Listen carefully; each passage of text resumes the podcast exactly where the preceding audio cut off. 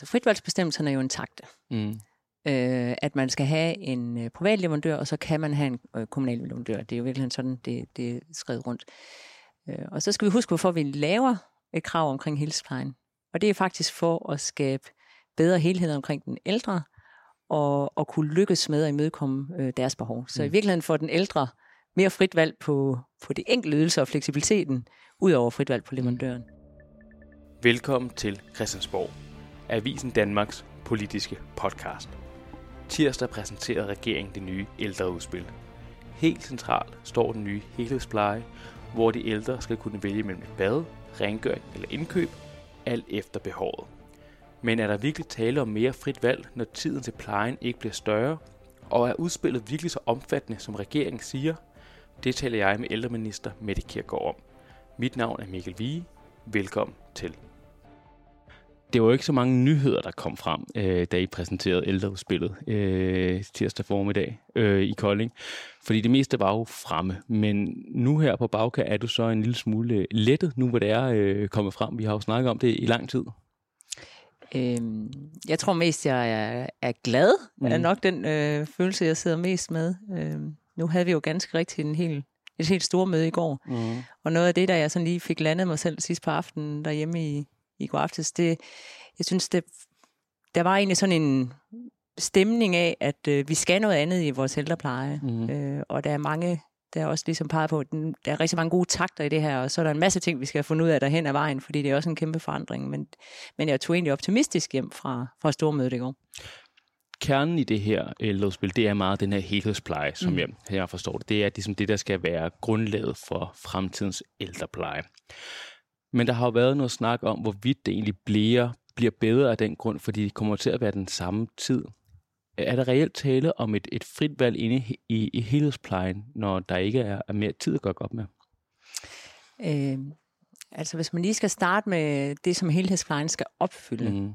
øh, så er det jo øh, intakt egentlig, akkurat ligesom det er i dag, at den juridiske ret til at få dækket sine behov, øh, den viger vi jo ikke fra. Mm. Altså det behovbestemte ydelser, i kraft af, at man aldres, skal man have dækket, som jo konkret udmyndter sig i praktisk praktisk hjælp, rengøring, indkøb osv. i personlig pleje, vask, hårvask, øh, hjælp til at komme på toilettet osv., øh, rehabilitering og genoptræning. Mm. Øh, når vi så laver en helhedspleje, så er det jo for at ligesom skabe en helhed i plejen, som skal i virkeligheden leve op til en række forskellige ting. Mm.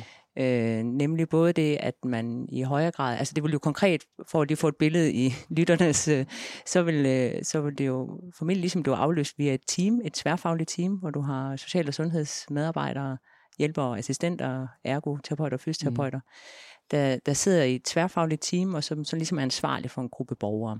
Og så, så har de en ramme penge eller tid for hver enkelt borger, hvor de så, som er visiteret til en vi kommer til at arbejde nogle pakkeforløb, hvor kommunen skal visitere i, i få pakker, i en lille pakke, for eksempel en mellempakke og en stor pakke. Det kan være tre pakker, man mm. vælger at gøre som kommune.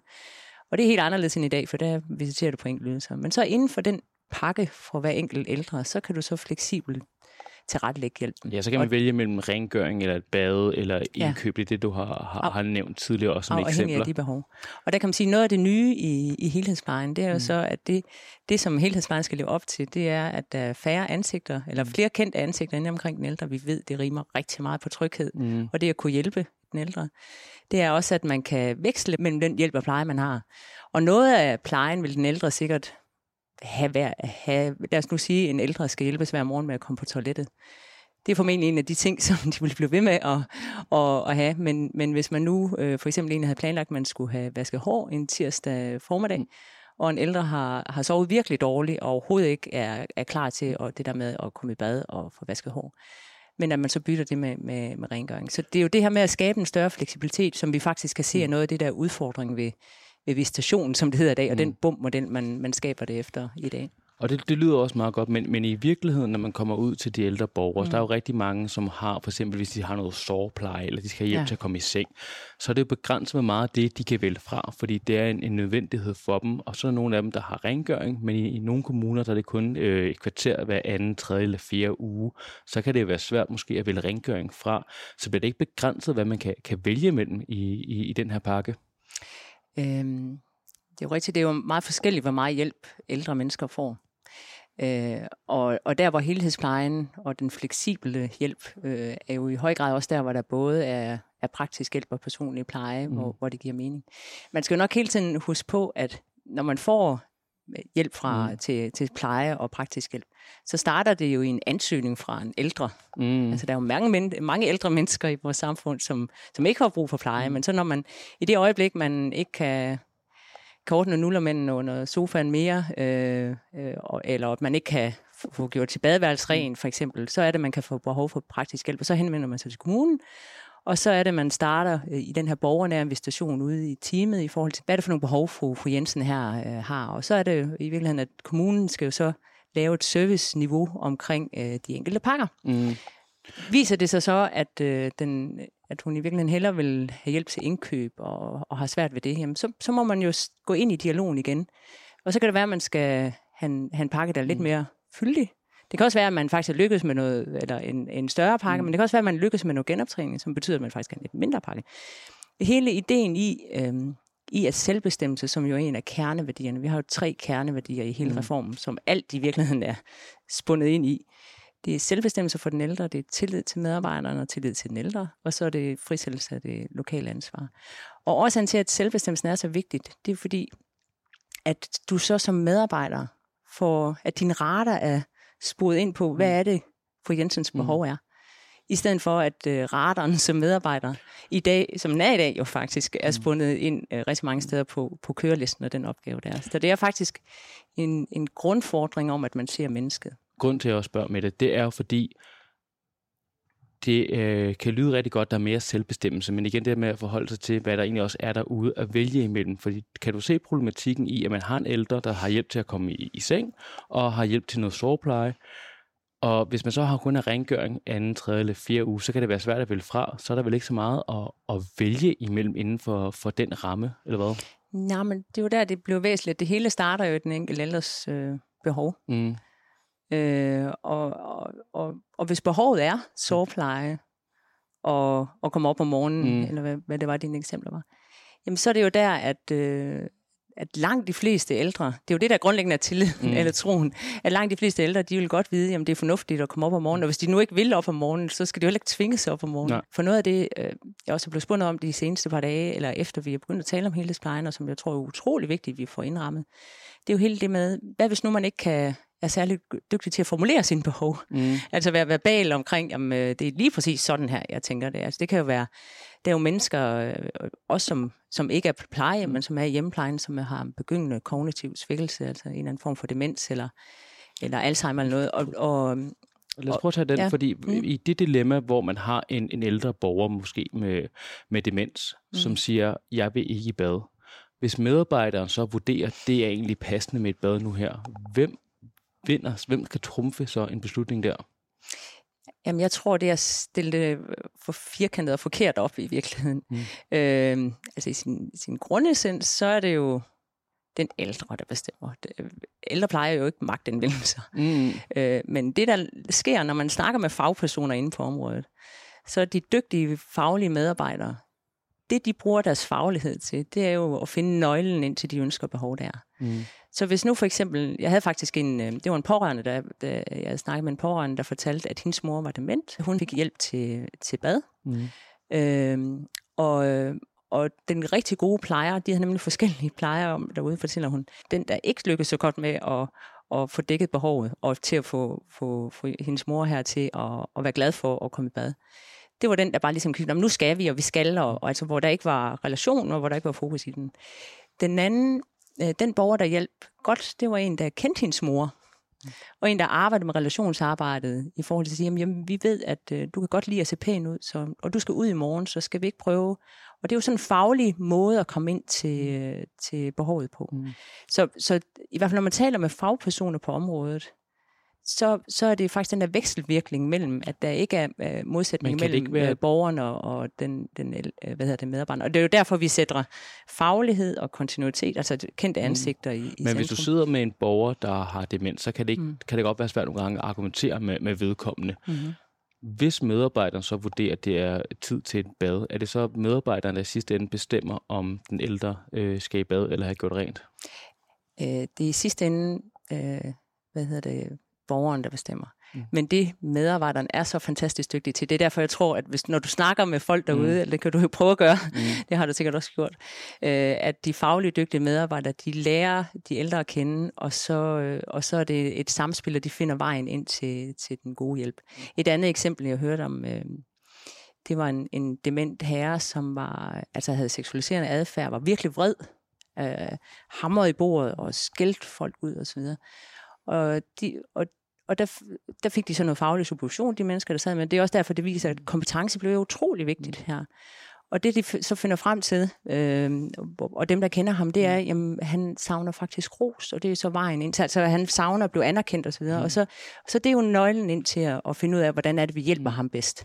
Og det er faktisk, det, det er derfor, at vi ligger så meget vægt på, at det er de samme ansigter, og at mm. medarbejderne kan handle, altså har et handlerum øh, i situationen, i stedet for, og det er altså, vi skal lige hele tiden huske, hvor er det, vi, vi også kommer fra. Altså når man taler med nogle sosu jeg tror, det er noget af det, en af de samtaler, der gjorde os mest indtryk på mig, det er nogle sosu medarbejdere, jeg har talt med, og så siger de, når jeg kommer ind til en ældre, så tør jeg faktisk ikke spørge, hvordan de har det, fordi der står på min liste, mm. at jeg skal nå det her, og hvis jeg ikke når det, så er jeg faktisk i konflikt i forhold til at nå min næste opgave.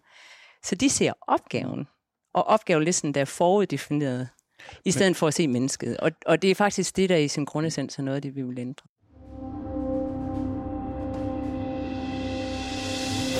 grunden til, at jeg også spørger, det er, fordi når du selv siger, at det er i sidste ende den ældre, der bestemmer, hvilken mm. øh, pleje og, og service vedkommende skal have. Mm. Hvis vi så har tale med en, en svag ældre, der har demens, der kan have svært ved at, at, at påtale sine behov, mm. og vedkommende siger, at jeg vil ikke i bad, kan det resultere i, at vedkommende så slet ikke kommer i bad, for der er ikke en eller anden form for minimumsrettigheder, som der kan være relevant for, for svage ældre? Altså faglighed er utrolig vigtig, og jo mere svækket en person er, jo mere, øh, eller faglighed er altid vigtigt, mm. men det er i mm. hvert fald også vigtigt i de situationer. Men det er jo heller ikke sådan i dag, at du kan tvinge folk i bad, men du kan jo finde, vi skaber nogle rammer for, hvordan du bedre kan nå ind til at hjælpe borgeren. Øh, når man taler med fagpersoner, der er flere, der har sagt, det er jo sådan hele den fagligheden i den. Der er ingen mennesker, der ikke ønsker omsorg. Vi skal bare finde vejen ind til, hvordan vi kan finde det. Og det er derfor, det er så vigtigt at få skabt med helhedsplejen et rum for, hvor vi kan, hvor vi kan prioritere og se mennesker og se, og hvordan er det, de reagerer, i stedet for at kigge på vores øh, køreliste. Men og, man... alt, og alt det her, det er jo det, er jo det vi prøver at skabe øh, rammerne for. Og så er det jo, altså er man virkelig dementramt, mm. og har man i virkeligheden også brug for nogle sundhedsydelser osv., og så, så er det jo også en anden type af, øh, faglighed, ligesom sådan altså nogle, nogle demenshus mm. øh, plejehjem for eksempel, ikke også? Altså, men det er jo også fagligheden, der bruger man jo også fagligheden til at til at Nu siger du også, at faglighed er en vigtig del af det her. Mm. Der er ret mange ufaglærte i ældreplejen. Ja. Mm. Skal der være forskel på, øh, hvem der kan tage visse beslutninger? Fordi mm. nogle gange er det jo, kræver det en faglig vurdering, mm. øh, også hvad den øh, pågældende ældre har, har behov for. Skal der være forskel mellem ufaglærte og faglærte?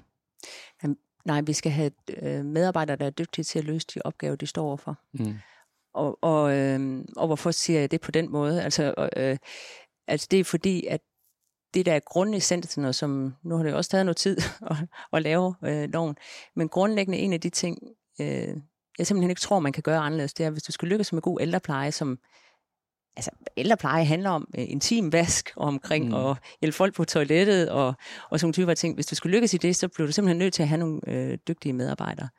Øh, og det er jo der, vi som Christiansborg skal skabe rammerne for det.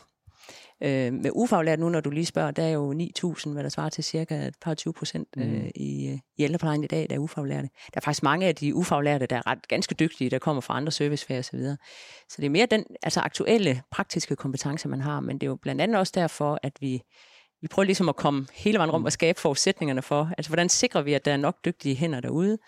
Øhm, Ja, for er der blandt... nok faglig kompetence til at, at kunne løfte den her opgave? For der må være en faglig forskel mellem en ufaglært og en faglært.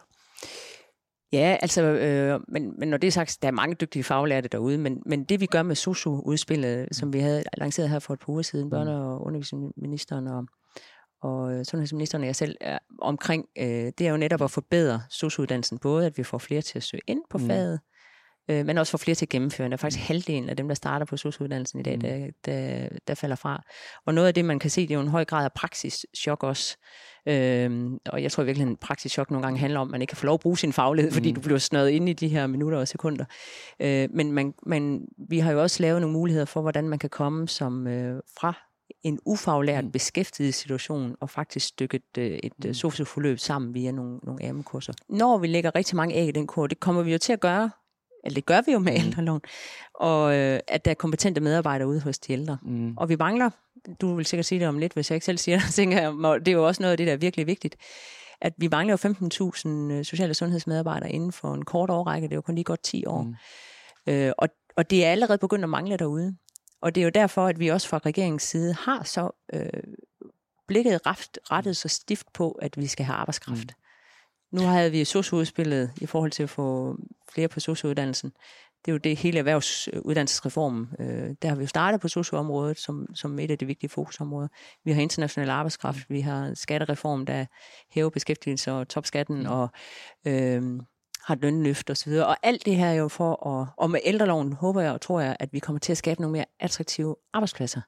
Det kan vi måske, jeg ved ikke, om det er noget af det, vi skal jo, ind på, men det er faktisk, ja. Det vil jeg gerne ind på, om omkring mm. det her med faste teams, hvor man sikrer medarbejdere der også. Ja. Men en del af den her helhedspleje er jo også, at I har udvidet paletten for øh, private leverandører kan komme ind og, og give nogle ydelser. Mm.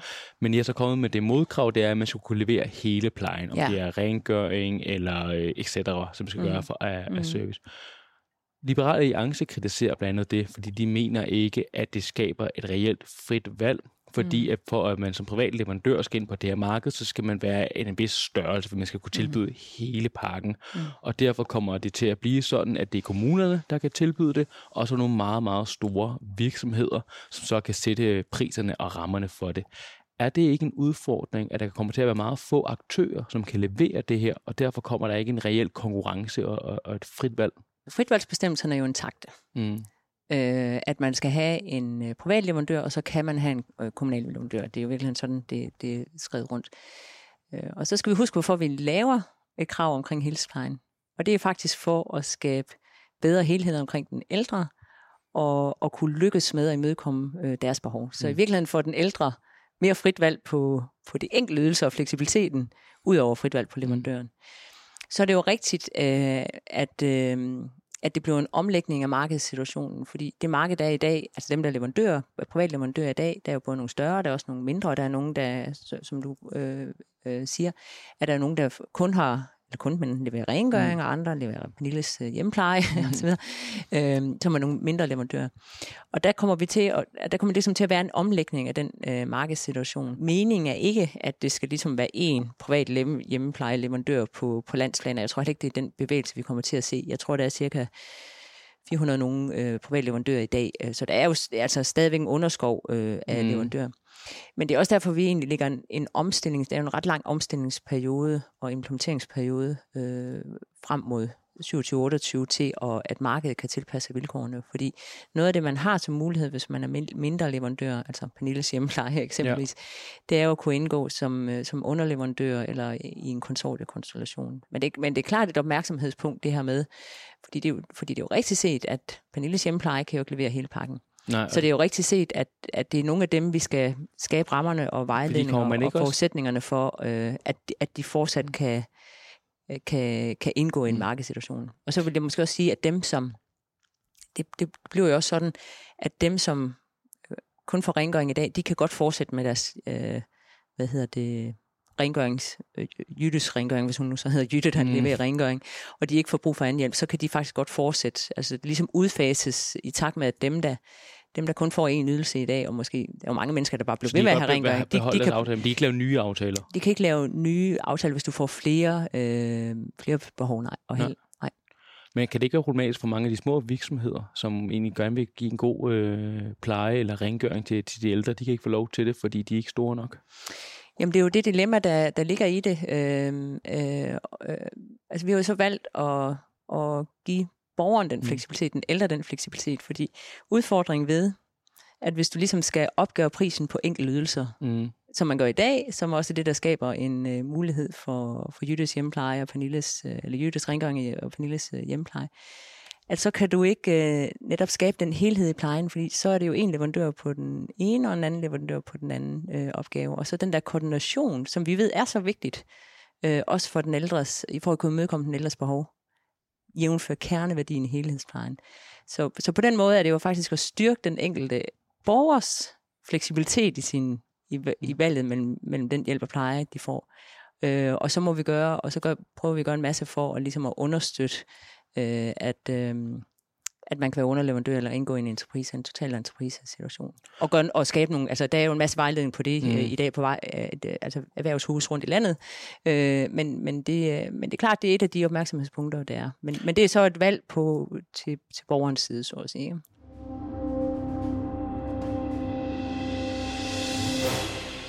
Nu siger du selv, at øh, for at den her helhedspleje skal fungere, så øh, skal man have et rigtig godt øh, forhold til øh, medarbejderne, og mm. de skal mhm. kende de ældre rigtig godt. Hvor vigtigt er faste teams for, at helhedsplejen lykkes? Øh, altså jeg tror, jeg tror, det vi kommer til at skrive ind i lovgivningen, det er jo, at øh, det har vist sig at være den måde, man, man lykkes godt på øh, mm øh, omkring Teams. Og når det så er sagt, så har vi jo både situationer, de evalueringer, der er af Teams, øh, det er jo både nogen, der lykkes godt med det, og så er der nogen, der har sværere ved det. Så, så det er jo ikke sådan, at vi er færdige med at være verdensmestre i Teams, så at mm. sige. Igen, alt det her, det er jo en omlægning af kultur og ledelse, kompetencer og vaner, og det er derfor, vi skal have respekt for, mm. at vi, vi får, også tager den tid, der skal til, også at, at understøtte implementering. Men det er vigtigt øh, for, at helhedsplejen skal fungere, vel, at der er faste teams, eller hvad? Altså det vil være den altså jeg kan næsten ikke se, at man kan svare anderledes mm. på det som kommune, men hvordan de så lige konkret organiserer sig til rettelægges, mm. altså det, det er op til kommunerne at tilrettelægge, hvordan man, man vil imødekomme mm. de krav, der er i helhedsplejen, som bliver et lovkrav, altså helhedsplejen. For, øh, og grunden med, til, at jeg også ja. spørger, det er mm. fordi, at uh, Mette Abelgaard fra Konservativ, hun er ældreordfører i, ja. i det parti, mm. hun er egentlig overordnet ret glad for udspillet, det her med tillid og selvbestemmelse. Mm. Der, hvor hun er bekymret, det er omkring øh, og er egentlig også glad for det her med faste teams, men hun er bekymret om, at der ikke står mere i ældreudspillet. Der står bare, at anvendelsen af faste teams skal udvides. Og ikke mere end det. Ingen initiativer, ikke nogen penge, ikke nogen retning på, hvor det skal være. Hvis det er så vigtigt foran til, at helhedsplejen skal lykkes, bør man så ikke stikke en retning ud for, hvordan det så skal øh, ske? Øh, jeg tror ikke, jeg er helt enig i, at vi ikke vi ikke sætter fokus på det i implementeringsfasen. Mm. Altså årsagen til, at vi jo faktisk har en ret lang implementeringsfase på, på to-tre år, det er jo egentlig af respekt for, at det er en kæmpe omlægning i organisering. Altså Teams er jo en omlægning i, hvordan vi tilrettelægger og organiserer vores øh, hjemmepleje på. Øhm, og der kommer vi jo til, altså vi har afsat øh, en del midler til implementeringsstøtte, øh, og kommunerne, og det er også noget af det, altså hele den her omstilling, der skal ligge i kommunerne, der er jo både tilført øh, altså milliarden per år, der, og det er jo, den er så fuld indfase i 2027, men der er jo halvanden milliard, der også øh, Men de penge er ikke specifikt til faste teams? Nej, nej, men, men det er jo ind i hele omstillingsfokus, øh, mm. eller omstillingsprocessen. Øh, og så vil jeg sige, der frigives jo også jeg tror, altså hvis man lige begynder at sidde og nørde lidt i det, som, som, som jeg, jeg jo har gjort, og som, som jeg tror også er, når man ligesom får det ind under huden. Altså noget af det, man ikke skal bruge tiden på mere, det er jo at lave øh, værdighedspolitikker, kvalitetsstandarder og tilsynspolitikker, og ligesom få dem omsat. Fordi mm. en ting er, at man laver katalogerne, det er jo sådan nogle kataloger, man typisk laver, men det er jo hele det der med at få det omsat og implementeret og ud i BUM-modellen osv., det går der oceaner af tid på. Når vi lige pludselig mere skal, skal lave afgørelser, altså juridiske afgørelser, der går på rammerne, altså på, på hvad hedder det, pakkerne, altså de, de pakker, man får i, i de sammenhængende mm. øh, forløb i helhedsplejen, i stedet for på hver eneste lille ydelse, øh, hvor man skal op og ned, der kommer også til at gå en masse tid, eller frigivet en masse tid. Og det er også noget tid, man kan omlægge til, øh, altså til den borgernære, som jo men, men er det her har vel ikke noget med, hvad man skal lave de her faste teams. Mangler der ikke en retning for, hvordan de her faste teams skal implementeres? Nej, jeg tror virkelig, man skal passe på med at sige one size fits all, en bestemt måde at gøre det på, fordi så gør vi jo bare mere af det, vi prøver at komme væk fra.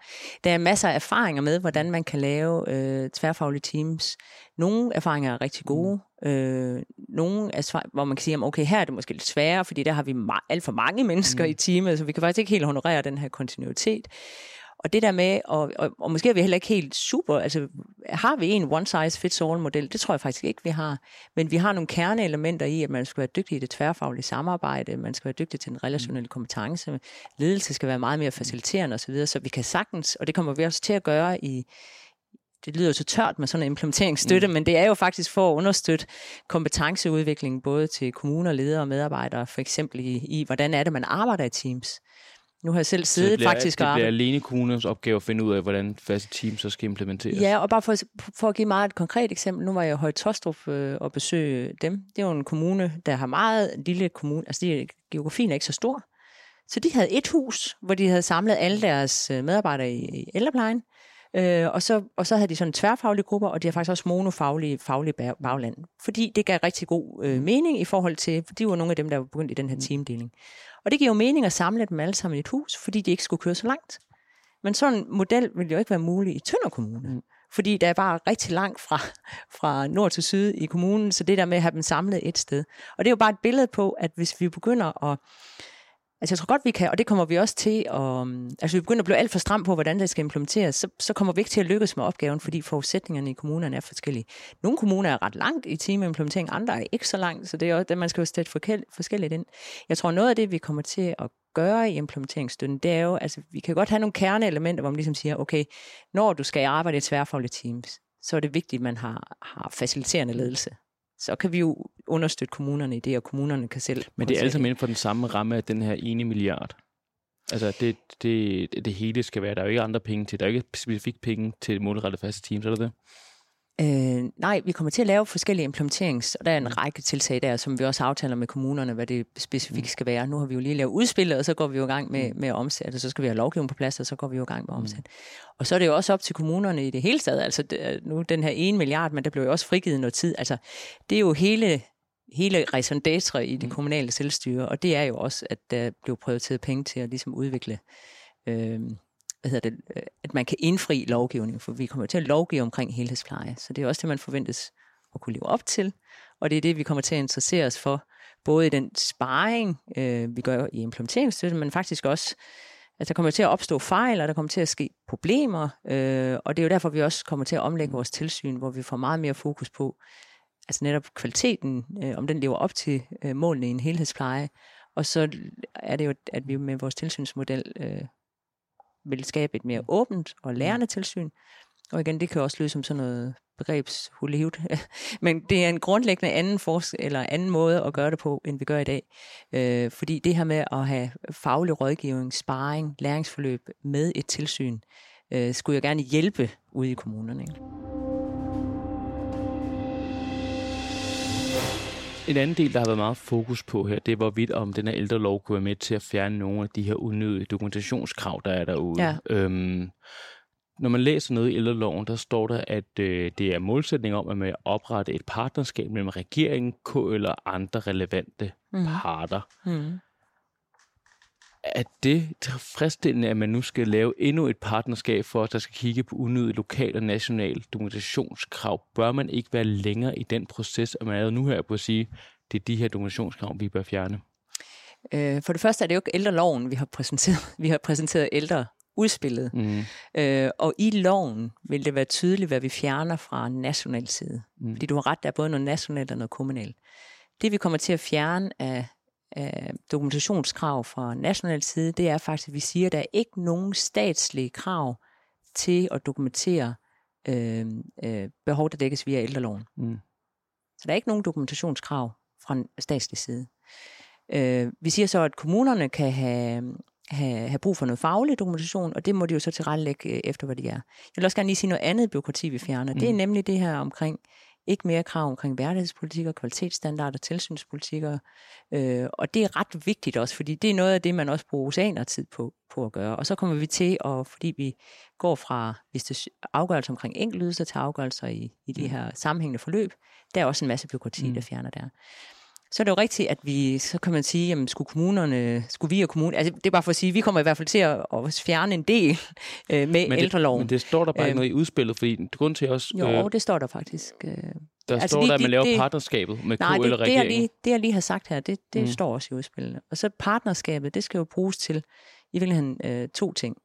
Øh, både at kommunerne er jo også meget interesserede i, jeg synes, det, altså det har jo samlet set i virkeligheden en positiv bevægelse. Mm. Mange kommuner har også begyndt at kigge ind i, hvordan kan vi skære ned i vores egne mm. krav. Og der vil jeg bare lige sige også for at gribe armvejen, årsagen til, at de har de krav, det er også fordi, vi stiller kravene, så skal de honorere op til dem. Så jeg tror alene, altså hele bevægelsen gør egentlig, at vi får mindre og mindre dokumentationskrav. Mm. Sønderborg Kommune for at vende et har jo fjernet masser af krav. Aalborg Kommune er et andet sted. Viborg Kommune har virkelig skrænt ned i deres egen sådan dokumentationskrav. Og man kan selvfølgelig sige, at det er sent eller tidligt nok. Nu får vi det i hvert fald gjort, og det er en bevægelse, vi også er parat til, og som ældre loven kommer til at, til at, til at også ligesom skabe nogle, nogle andre rammer for. Og noget af det, der også er vigtigt i det partnerskab, som jeg i virkeligheden har virkelig meget fidus og håb til, det er, at vi vil gå ind og tænke i sådan en automatisk først. Mm. Fordi meget dokumentation i dag sker jo manuelt. Altså du sidder og taster ind, eller det er faktisk ofte på en telefon, mm. eller altså, hvis du er med en hjempleje ude, så bruger de meget deres telefon til at taste ind. Nu har jeg gjort det lidt Og det går der jo egentlig en masse tid med. Der går både meget tid med det, og så er det faktisk ikke øh, altid korrekt, det der kommer ind. Fordi man har forskellige forudsætninger for at skrive ind osv. Øh, og der prøver vi at, at gå ind og sige, nu giver vi os selv det benspænd, at hvis vi skal øh, egentlig sige, at vi skal i udgangspunktet, at man indhenter data, altså det der sker, mm automatisk. Altså ligesom man har øh, teknologi først, så siger vi automatisk først. Og det er jo der i de partners, altså nu er det jo KL og regeringen, der ligesom indgår det her partnerskab, men, men man kunne sagtens forestille sig, at nogle af de aktører, der, vand, eller der tænker i, hvordan kan vi via kunstig intelligens eller andre former for data genereret, øh, altså teknologien, mm. faktisk blive bedre til at automatisere. Så det, så det ligger også i det partnerskab. Og det har, det har jo lidt nogle længe, altså det er jo nogle spor, man ligesom får lagt ud i, i, noget, i noget længere øh, spor. Ja. Når du øh, ser på den her ældrelov, der nu er blevet øh, præsenteret, øh, og det helhedsbillede, der er der, har du så en tro på, at hvis jeg kommer tilbage her og banker på om 3-4 år, øh, hvis du så havde siddet her i ældreministeriet, at det så har gjort en markant forskel for de ældre, der får hjemmepleje derude, eller på en måde pleje? Ja, og du skal være virkelig, virkelig velkommen. Altså nu er jeg måske også farvet af, at jeg har, det er meget kort tid siden, jeg har været ude i virkeligheden sidst, så det er altså bare virkelig stadigvæk mit hovedsigte. Mm. Det er, at det kommer til at virke for de ældre og for medarbejderne og lederne. Fordi lovgivningen betyder en masse, når man sidder ude øh, i Vendsøselgade nummer et eller andet sted i en, i en hjemmepleje så betyder det noget for, hvordan du kan møde borgeren, og det betyder noget for, hvordan du har et, et øh, fællesskab med dine medarbejdere, og hvordan ledelsen fungerer. Så det er mega vigtigt, det vi kommer til at gøre, og det skal give en forskel. Tak fordi, at jeg må kigge forbi med det. Selv tak. Tak fordi, at du lyttede med. Vil du have endnu flere interviews, nyheder og analyser om dansk politik, så kan du gå ind på avisendanmark.dk, hvor vi hver dag skriver om det vigtigste i dansk politik.